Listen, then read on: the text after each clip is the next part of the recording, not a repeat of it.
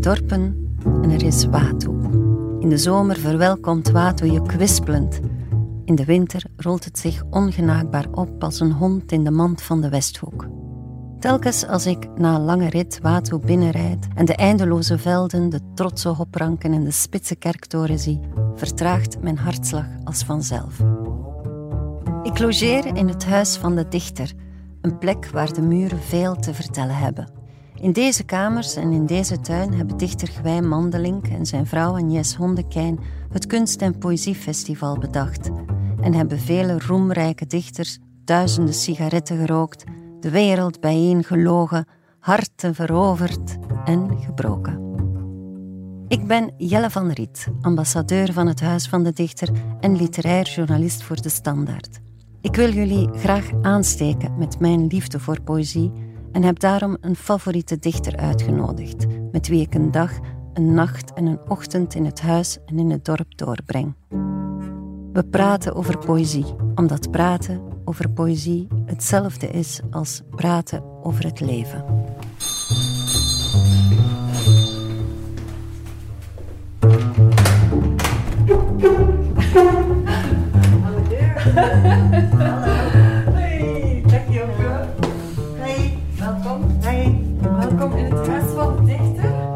Mijn gast vandaag en morgen is Joke van Leeuwen. Dichter voor drie tot honderdjarigen. Zij schrijft, tekent en performt en gaat in al die disciplines even speels, diepgaand en eigenzinnig te werk. Onder haar schare fans bevinden zich kleine en grote mensen, critici, juries en koningin Mathilde.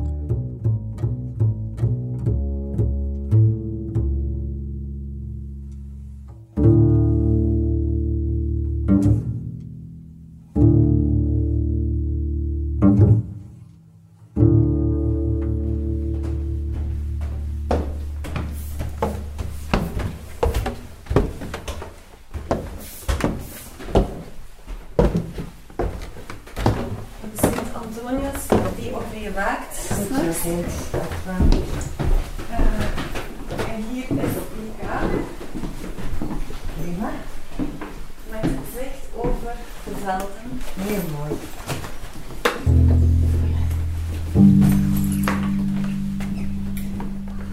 Met koeien. Alles erop en eraan. Ik wil allemaal voor jou.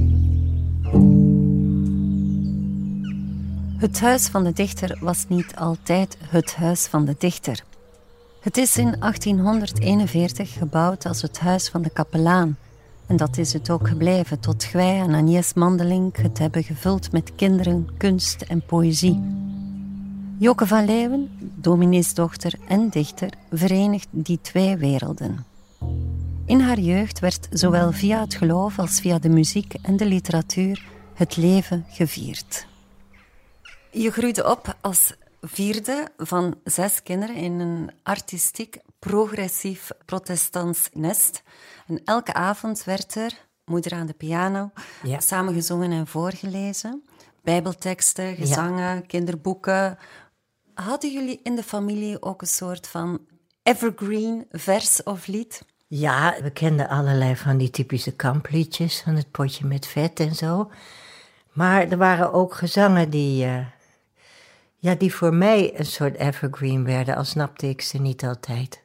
Want die waren natuurlijk wel bedoeld voor volwassenen, maar als jong kind zie je er dan in wat je erin wilt zien. Bijvoorbeeld dat gezang dat eindigt met eh, dan zie ik sterren in de nacht en bloemen op mijn wegen, zo eindigt dat eerste couplet.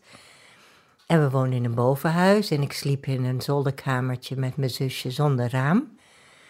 Dus als je dan zingt van sterren in de nacht die je ziet en bloemen op mijn wegen, terwijl die straat in Amsterdam, er, er, er waren geen bloemen. En in het bovenhuis natuurlijk ook geen, geen tuin of zo. Dus ja, dan heb je zo je eigen interpretatie van zo'n tekst. Dan waren ze er wel via de tekst.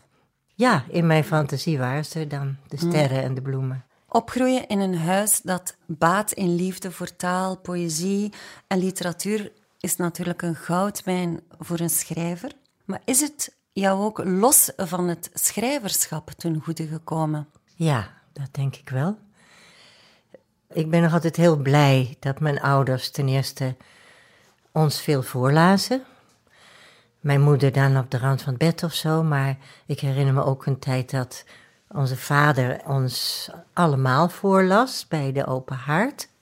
En uh, dat we daar als zes kinderen naar luisterden. En het was waarschijnlijk wat te moeilijk voor de kleinste. En voor de oudste weet ik niet, die was ook al aan andere boeken toe. Maar het was meer de verbondenheid van daar samen zitten. En uh, terwijl vader voorlas. En eigenlijk werkten die dagelijkse rituelen met dat stukje Bijbel en dan een gezang zingen ook zo. Het was een vorm van verbondenheid. Jok, ik heb uit je meest recente bundel voor kinderen, Heet daar, mijn twee voeten, het vers Nou kijk gekozen. Voor mij is dat een gedicht waarin het hermetische tussenschot tussen kinderpoëzie en grote mensenpoëzie wegvalt. Zou je het willen voorlezen, alsjeblieft? Ja, het is een dialoog, een, een behoorlijk harde dialoog. En de lettertypes hebben een rechtstreeks verband met wat er staat, dus je zou het ook eigenlijk moeten zien. Nou kijk. Nou kijk, de wereld steekt zo in elkaar. Er is een, weet ik zeker, een, ja maar, een, ik zal het jou zeggen, en een, nee, een, hou je mond, een, ik heb geen idee, een, ik weet alles beter, een, hoezo, een, wat weet jij ervan, en een, ho ho, een jij bent niet normaal. Een jij bent stom. Een ga maar weg. En een wel nee, waarom?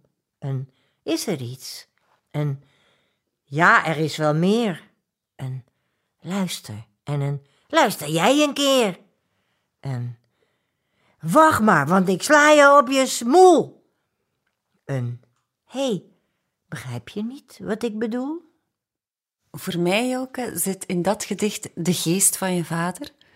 Een broertje dood hebben aan stelligheid is van al die opties, hoezo de meest aangeraden optie? Ik denk dat het in elk geval het leven leefbaarder maakt als je vragen blijft stellen en niet te stellige antwoorden meent te hebben, want daarmee luister je natuurlijk minder.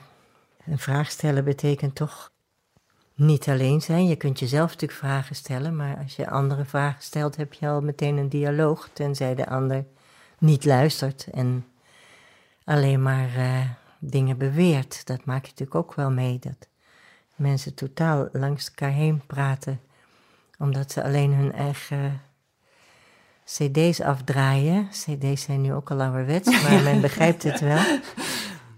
In je werk verenig je je twee ouders in de zin dat je het muzikale van je moeder en de humor van je moeder in je poëzie hebt, maar aan de andere kant ook het bevragen, dat heb je dan weer van je vader. Ja. Zijn dat eigenlijk de kenmerken van een goed gedicht court? Dat het het leven bevraagt en zingt? Ik wil niet voor alle poëzie praten, maar voor mezelf geldt dat wel, denk ik. Ik vind het ten eerste heel belangrijk dat wat ik schrijf een zekere musicaliteit heeft, ritme heeft. Je als het ware meeneemt zodra je eraan begint. En dat niet stellige inderdaad, maar eerder bevragen. Ja, dat had mijn vader inderdaad ook.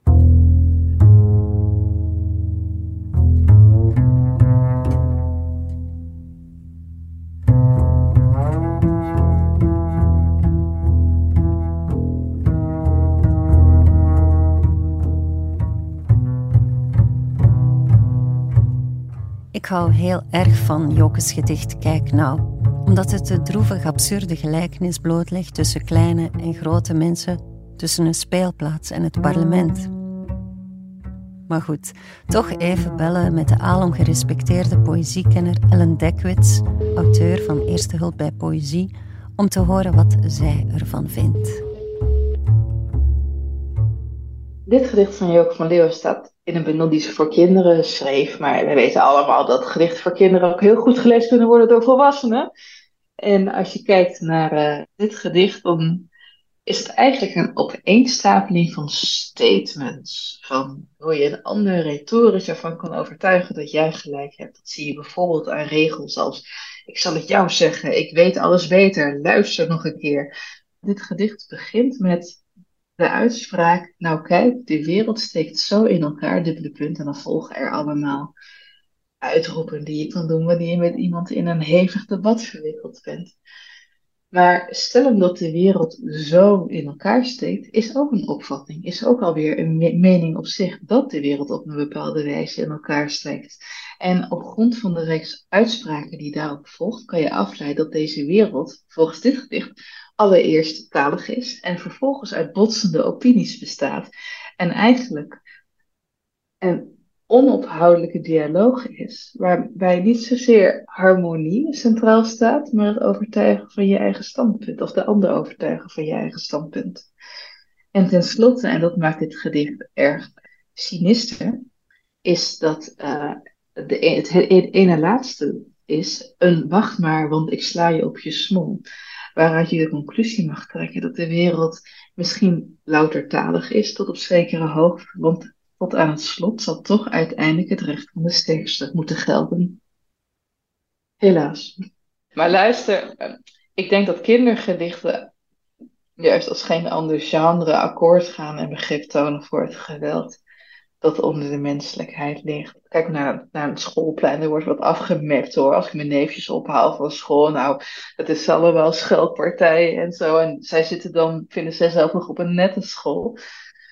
Het is ook natuurlijk dat je kindertijd, dat moment in je leven is dat je nog ongestraft de grens van je eigen gewelddadigheid mag uittesten. Hè? Ik bedoel, eh, je valt nog niet onder volwassenenrecht. En je kan nog gecorrigeerd worden door mensen die je op dat moment van je leven nog uiterst serieus neemt, zoals je ouders de kerk of aan verwante opvoeders.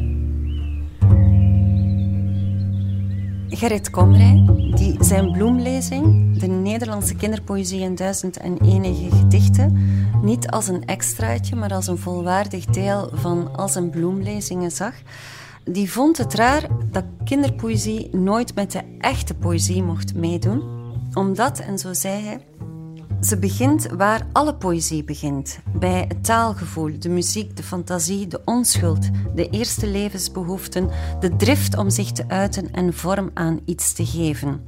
Begint voor jou alle poëzie daar? Ik denk inderdaad dat het daar begint. En dat men in dat opzicht kinderen en kinderpoëzie, maar ook andere kinderboeken, niet als een soort apart hokje moet zien maar gewoon bedenken dat het daar begint. En het dan ook die waardering te geven. Kijk, als ik voor volwassenen schrijf, schrijf ik voor volwassenen. En dat gaat veel meer van mijn eigen volwassen leven uit. Als ik voor kinderen schrijf, dan ga ik weer vanuit, bij wijze van spreken, het denken van een beginnend mens kijken.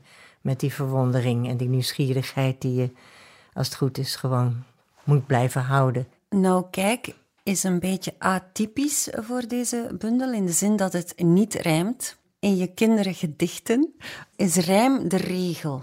Is rijm de kortste weg naar een kinderhart? Ja, rijm is toch een vorm van muziek. En ook iets wat makkelijk blijft hangen. Ook dat hele simpele en die hele kleine rijmpjes voor echt kleine kinderen, daar, daar begint het gewoon mee. En daar begint dat taalgevoel mee. In Levenslust en Aan tafels, je twee meest recente bundels voor volwassenen, wordt niet gerijmd in traditionele zin, maar hierin stuwen ook toon, binnenrijm, klinkerrijm. Ja. De hele klankenrijkdom eigenlijk de lezer voort. Zijn stijlfiguren de kortste weg naar een mensenhart? Voor mij zijn ze wel inderdaad een belangrijke weg. Ik durf niet over alle harten van andere mensen te spreken, maar ik, ik hoor ook wel van mensen die het lezen dat ze daardoor ook meegenomen worden en erin getrokken worden. Wel, ik zou het wel leuk vinden als je een stukje van die stomende associatieve zinnen zou voorlezen. Ik zal één couplet gewoon le- eh, lezen. De dieren die beenderen van wie er stierven betasten. De dieren die rouwen. De dieren die doden wegsjouwen. De dieren die dieren begraven. De dieren die zwijgend een kring vormen rond hun kadaver. De dieren die gillend van slachtangst niet snappen met wat voor verlangen. De vachtloze wezens met sierlijke klauwen en rouw aan een haak willen hangen. En zo gaat dat dan tachtig keer door. Helder. Was dat stomelijk genoeg?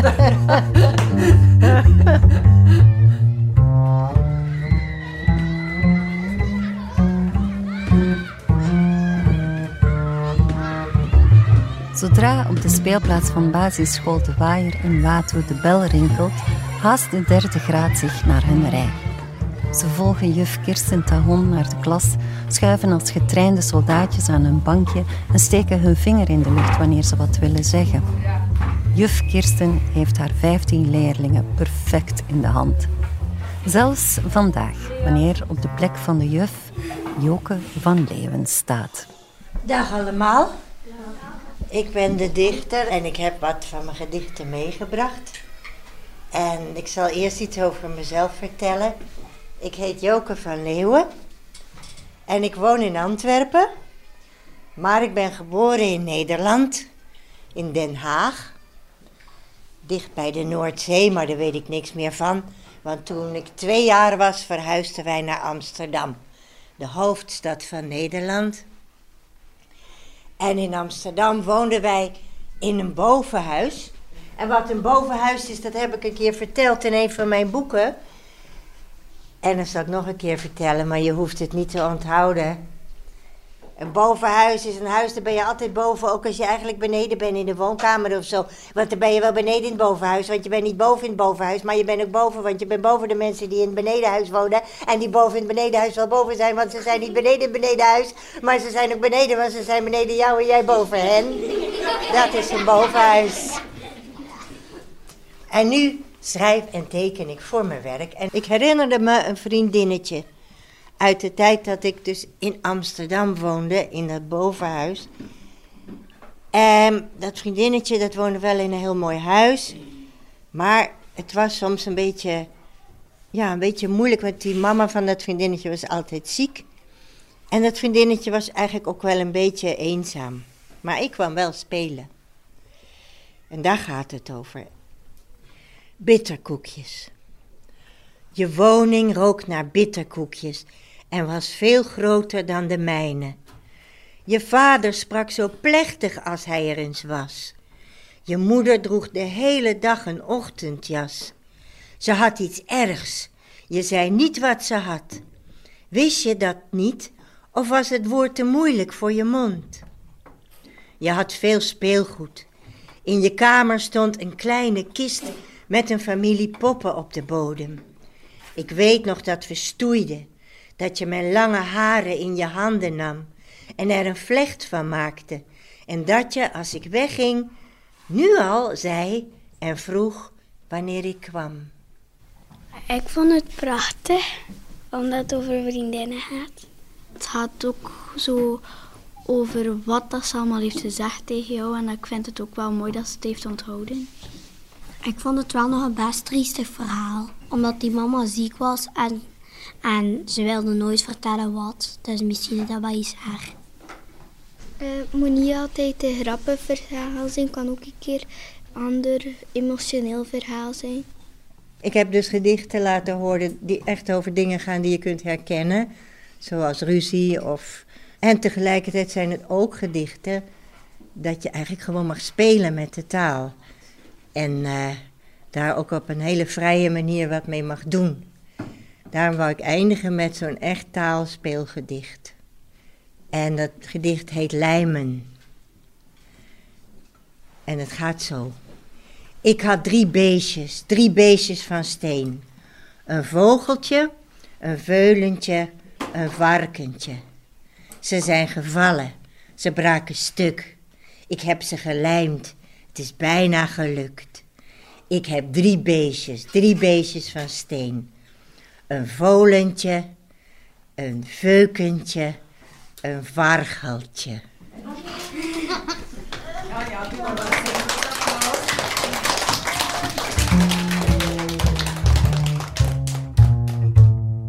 Wat je zelf mooi vindt, wil je delen.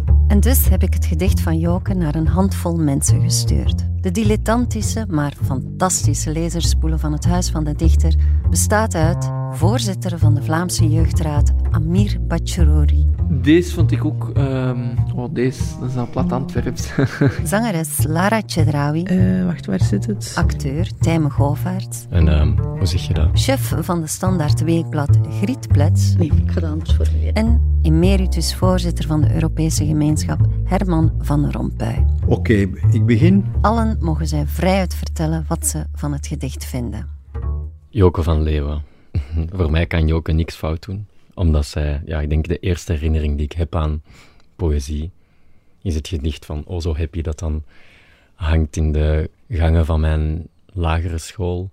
En ik denk dat mijn mama dat er ook gehangen heeft. En mijn mama is grote fan van wat dat Joke doet. Mijn mama is leerkracht in een lagere school. Dus ehm, ja, ik kan alleen maar liefde hebben voor die vrouw en voor haar poëzie. Hou je mond, wat weet jij hiervan?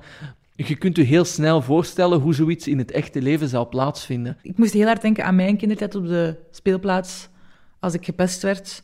Dat, dit, dit gesprek, het gaat nergens naartoe. Het zijn gewoon woorden die luid binnenkomen, maar dan ook dat uw repliek niet zo luid is als wat er u verweten wordt of wat er opkomt. Ze heeft mij eigenlijk een beetje beschreven als ik boos ben. Dan ga ik ook een beetje van alles zeggen dat niet waar is. En dan ga ik ook rapper iemands pijn doen. Ik had het gevoel dat dat eh, ook een soort van portret van een, witte man van, van 50 was, of zo. Iemand die het allemaal beter weet, iemand die het even gaat zeggen. Bij al die dingen die ik las, dacht ik toch, ah ja, ik heb precies nog nooit een vrouw zo horen spreken.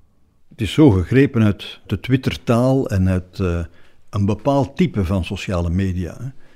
Waarin dat men op een apodictische wijze zijn onverdraagzaam zijn, eh, zijn mening geeft, niet meer open staat voor de mening van iemand anders, waar dat iemand heel gemakkelijk een vijand wordt, wie dat met mij niet eens wordt. Dat is niet alleen te herleiden tot een gewoon meningsverschil. Nee, als je het met mij niet eens bent, dan zijt jij wereldvreemd, je bent dom en je eindigt met je bent een vijand. Luister jij een keer, ja, er is wel meer.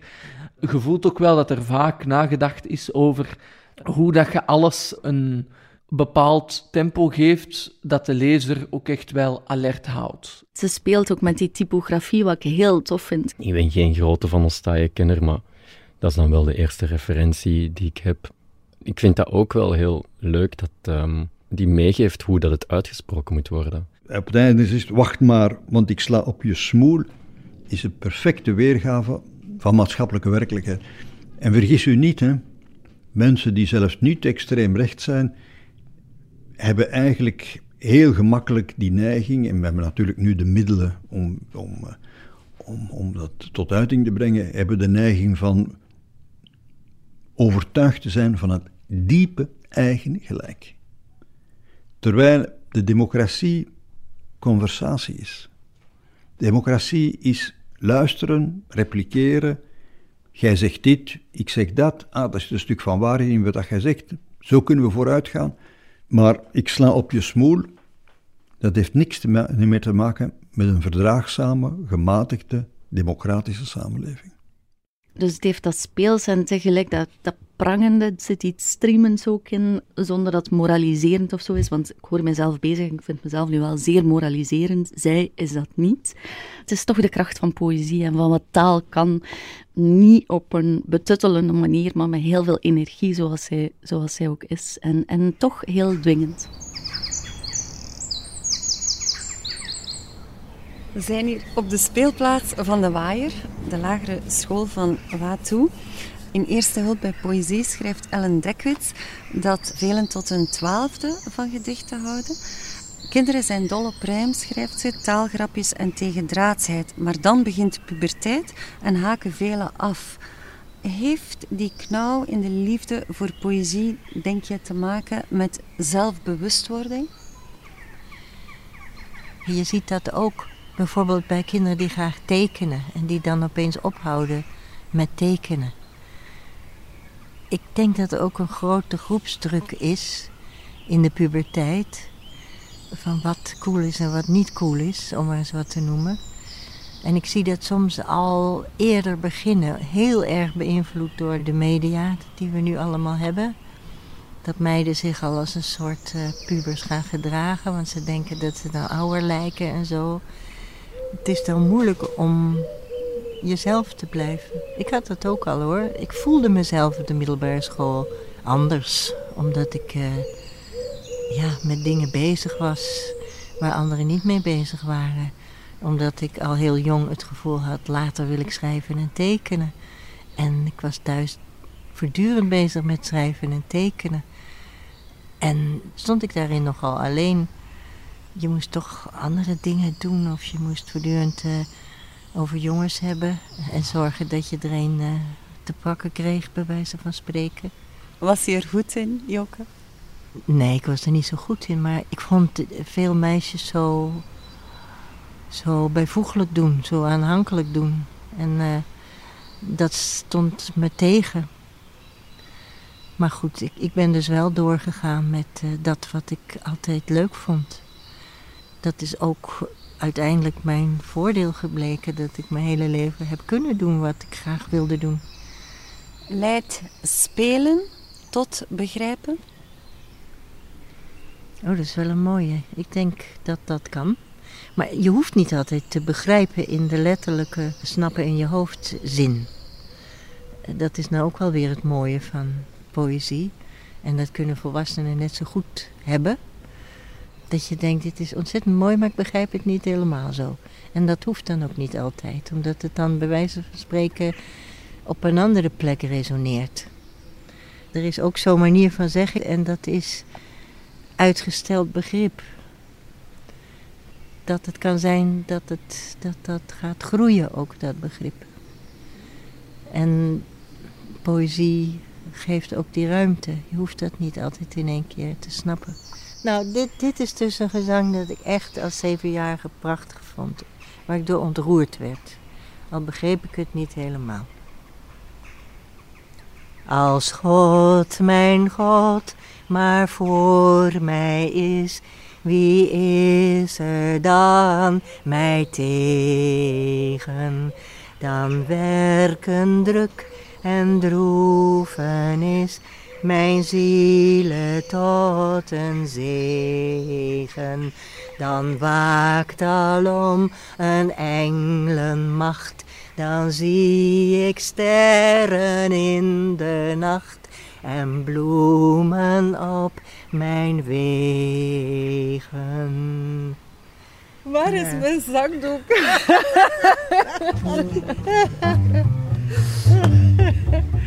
Dankjewel, Joke.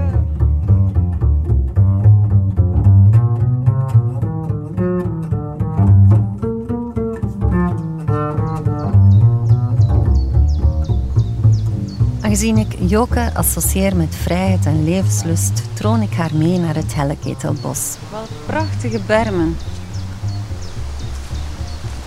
Die boterbloemen. Dat is de naam van een bloem. Ik zie nog wel vijf andere bloemen waar ik helemaal niet de naam van weet, maar boterbloemen. Klaver. Oh, klaver. Oh, wat een liefje. Een natuurgebied vol bomen, bloemen, vogels en amfibieën van het soort waaruit heksen met wat slangenbloed en een handvol spinnenkoppen toverdrank brouwen. Etymologisch betekent helleketel vast iets anders, maar liever een mooi verhaal dan de waarheid natuurlijk. Ken je toevallig het gedicht De Mus van Jan Hanlo? Ja, dat, dat horen we nu, nu ook in het bos. Hè? Tjoep, tjoep, tjoep, tjoep, tjoep, tjoep, tjoep, tjoep, tjoep, tjoep, tjoep, tjoep, tjoep, tjoep, tjoep, et cetera. Dit gedicht wordt momenteel boven ons hoofd door de vogels zelf gebracht. Maar wel in variaties, want het zijn geen mussen hier. Maar je hoorde wel tjuk, tjuk, tjuk, tjuk, tjuk, tjuk. Dat is een andere. Kan je met uh, dieren communiceren? Ik ben daar denk ik niet zo goed in. Ik vind dieren heel mooi. Ik, ik teken ze graag. Ik kijk er graag naar. Maar ik weet van, ook van vroeger dat mijn oudere zus dat veel beter kon. Die snapte het ook allemaal veel beter. Ik ging bijvoorbeeld met koeien melken, wat met de hand ging. Ging aan de verkeerde kant van de koe zitten. Ja, zoals mijn zus met paarden omging. Ik had dat gewoon niet over me. Het was heel duidelijk dat mijn talent daar niet lag. Dus laat me maar af en toe over dieren schrijven of uh, een tekening van ze maken. Vind je het makkelijk communiceren met mensen? Of doe je dat toch liever via de literatuur? Ik hou er heel erg van om uh, een echt gesprek te hebben met iemand. Een gesprek dat ergens over gaat. Ik heb moeten leren om social talk te kunnen. Als puber, als meisje van een jaar 14, 15, ja, deed ik eigenlijk mijn mond pas open als ik het gevoel had dat ik echt iets te zeggen had. Maar dat werkt natuurlijk helemaal niet. Want je moet ook geluid kunnen maken als je helemaal niks te zeggen hebt. Anders vinden ze je niet sociaal. Al ben je dat dan misschien wel. Dus dat heb ik wel geleerd. Ieder zijn talent, ook dat lijkt je steeds weer te benadrukken. Zelf wist je al heel jong wat je grote talenten zijn. Namelijk schrijven en tekenen en moeten performen natuurlijk niet vergeten. Maar je kan ook wel heel goed eh, Donald Duck imiteren. Handvliesfluiten kan je? Ja, maar dat kunnen we alle. Mijn zussen kunnen dat ook allemaal. We hebben daartoe het juiste vliesje tussen onze duim en wijsvinger. En als je dat dus net zo speelt dan als een kazoo, dan kan je op je hand spelen. Ik kan echt met mijn drie zussen daar een vierstemmig concertje mee geven. En kan je het ook alleen? Ik kan het ook alleen, ja. Moet je het horen? Ja, tuurlijk. Willen we het horen.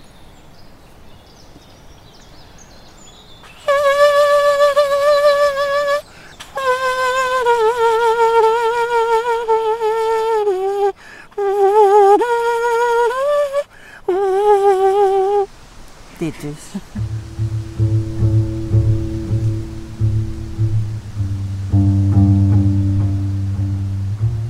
horen ook het ruisen van de wind. De wind waait door veel van je boeken. Is wendbaar zijn als wind een goede manier om in het leven te staan? Ik blijf onderweg. En ik denk dat dat ook een vorm van wendbaarheid is. Wendbaarheid ook in de zin van niet blijven vastzitten in de dingen die verdriet hebben gedaan. Maar verder gaan. Ja, ook niet vastklampen aan een ander. Liefhebben is heerlijk. Ik weet, ik heb genoeg fijne herinneringen wat dat betreft. Maar het begint met gewoon ook op je eigen beentjes kunnen staan. En een vorm van zelfliefde te hebben in de zin van... Ik mag zijn zoals ik zie, enzovoort, enzovoort. Omdat ik denk dat je, als je dat hebt, dat je ook op een vrijere manier je kan geven aan iemand. Je vindt innerlijke vrede iets heel belangrijks. Is dat gevoel hier makkelijk op te roepen? In het bos? Ja. Ja, ik kan niet voor iedereen spreken, maar voor mij voelt dat toch als een van de voordelen van ouder worden. Dat toch veel onrust of onzekerheid of somberheid er veel minder is. Er veel minder aanvaarding ook is, ook van de rotdingen die ik heb meegemaakt. En dat dat toch tot een soort innerlijke vrede leidt. En ja, die wordt natuurlijk versterkt als je in, in zo'n rustig gebied zit. Als dit bos met die vogeltjes boven je hoofd. Maar thuis, ik woon alleen, thuis is het ook vaak stil. Ik kan echt ook goed met de stilte leven thuis. Maar ik heb wel het gevoel dat dat soort vrede en, en elke ochtend vroeg met plezier weer mijn bed uitkomen, dat het misschien wel iets te maken heeft met het stadium waar ik mij nu in bevind in de levensloop. Ja. We zijn in een bos waar de cirkel van het leven zich natuurlijk meer manifesteert dan waar ook. Is dat een troostrijke gedachte of beangstigt de vergankelijkheid je dan toch ook? Nee, het is ook een besef van dat ik een hele, zoals iedereen, een hele keten van voorouders heb. Dat je dus eigenlijk in die hele cyclus zit van geboorte en dood. En dus dat vind ik, uh, iets wat me eigenlijk eh, alleen maar rust geeft. Ik heb geen enkel uh, angst voor de dood gevoel. Nee, ik zou niet weten hoe dat voelt. Maar ik, ik wil wel leven, hè. Ik, wil nog niet, ik ben er niet klaar, hè. Ik wil, het maakt niet uit of ik klaar ben of niet, maar ik heb gewoon geen zin nog. Laat me maar even doorgaan zo.